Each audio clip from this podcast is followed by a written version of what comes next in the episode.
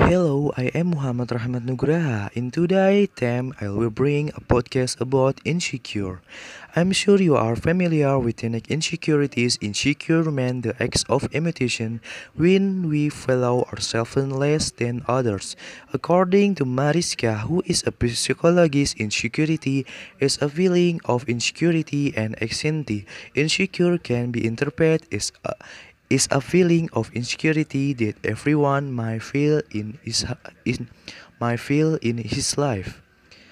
There is so many teenagers today feel inferior. Insecurity can be caused by many factors, for example, negative evaluation from pressure, even bullying, said Mariska.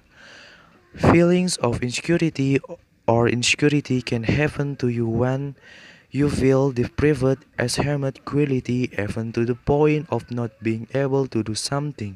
Mariska defined insecurity as a feeling of not being good enough, a lack of self-confidence, and a and and an inability to deal with a problem, accompanied by feelings of uncertainty and anxiety about goals, abilities, and relationships with other people. When this feeling of insecurity control you, it will trigger feeling of insecurity, insecure that exists in you.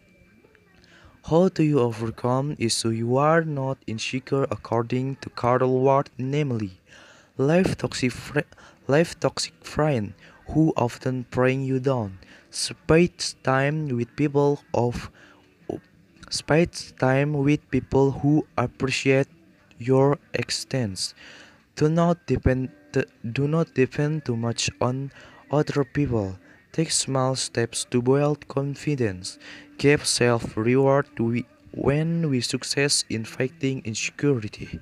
Okay everyone, so that in for today's discussion, so then insecurity then is with us we can easily do on our one as long as there is a strong will with us so us continuing to fight insecurity with positive things are worth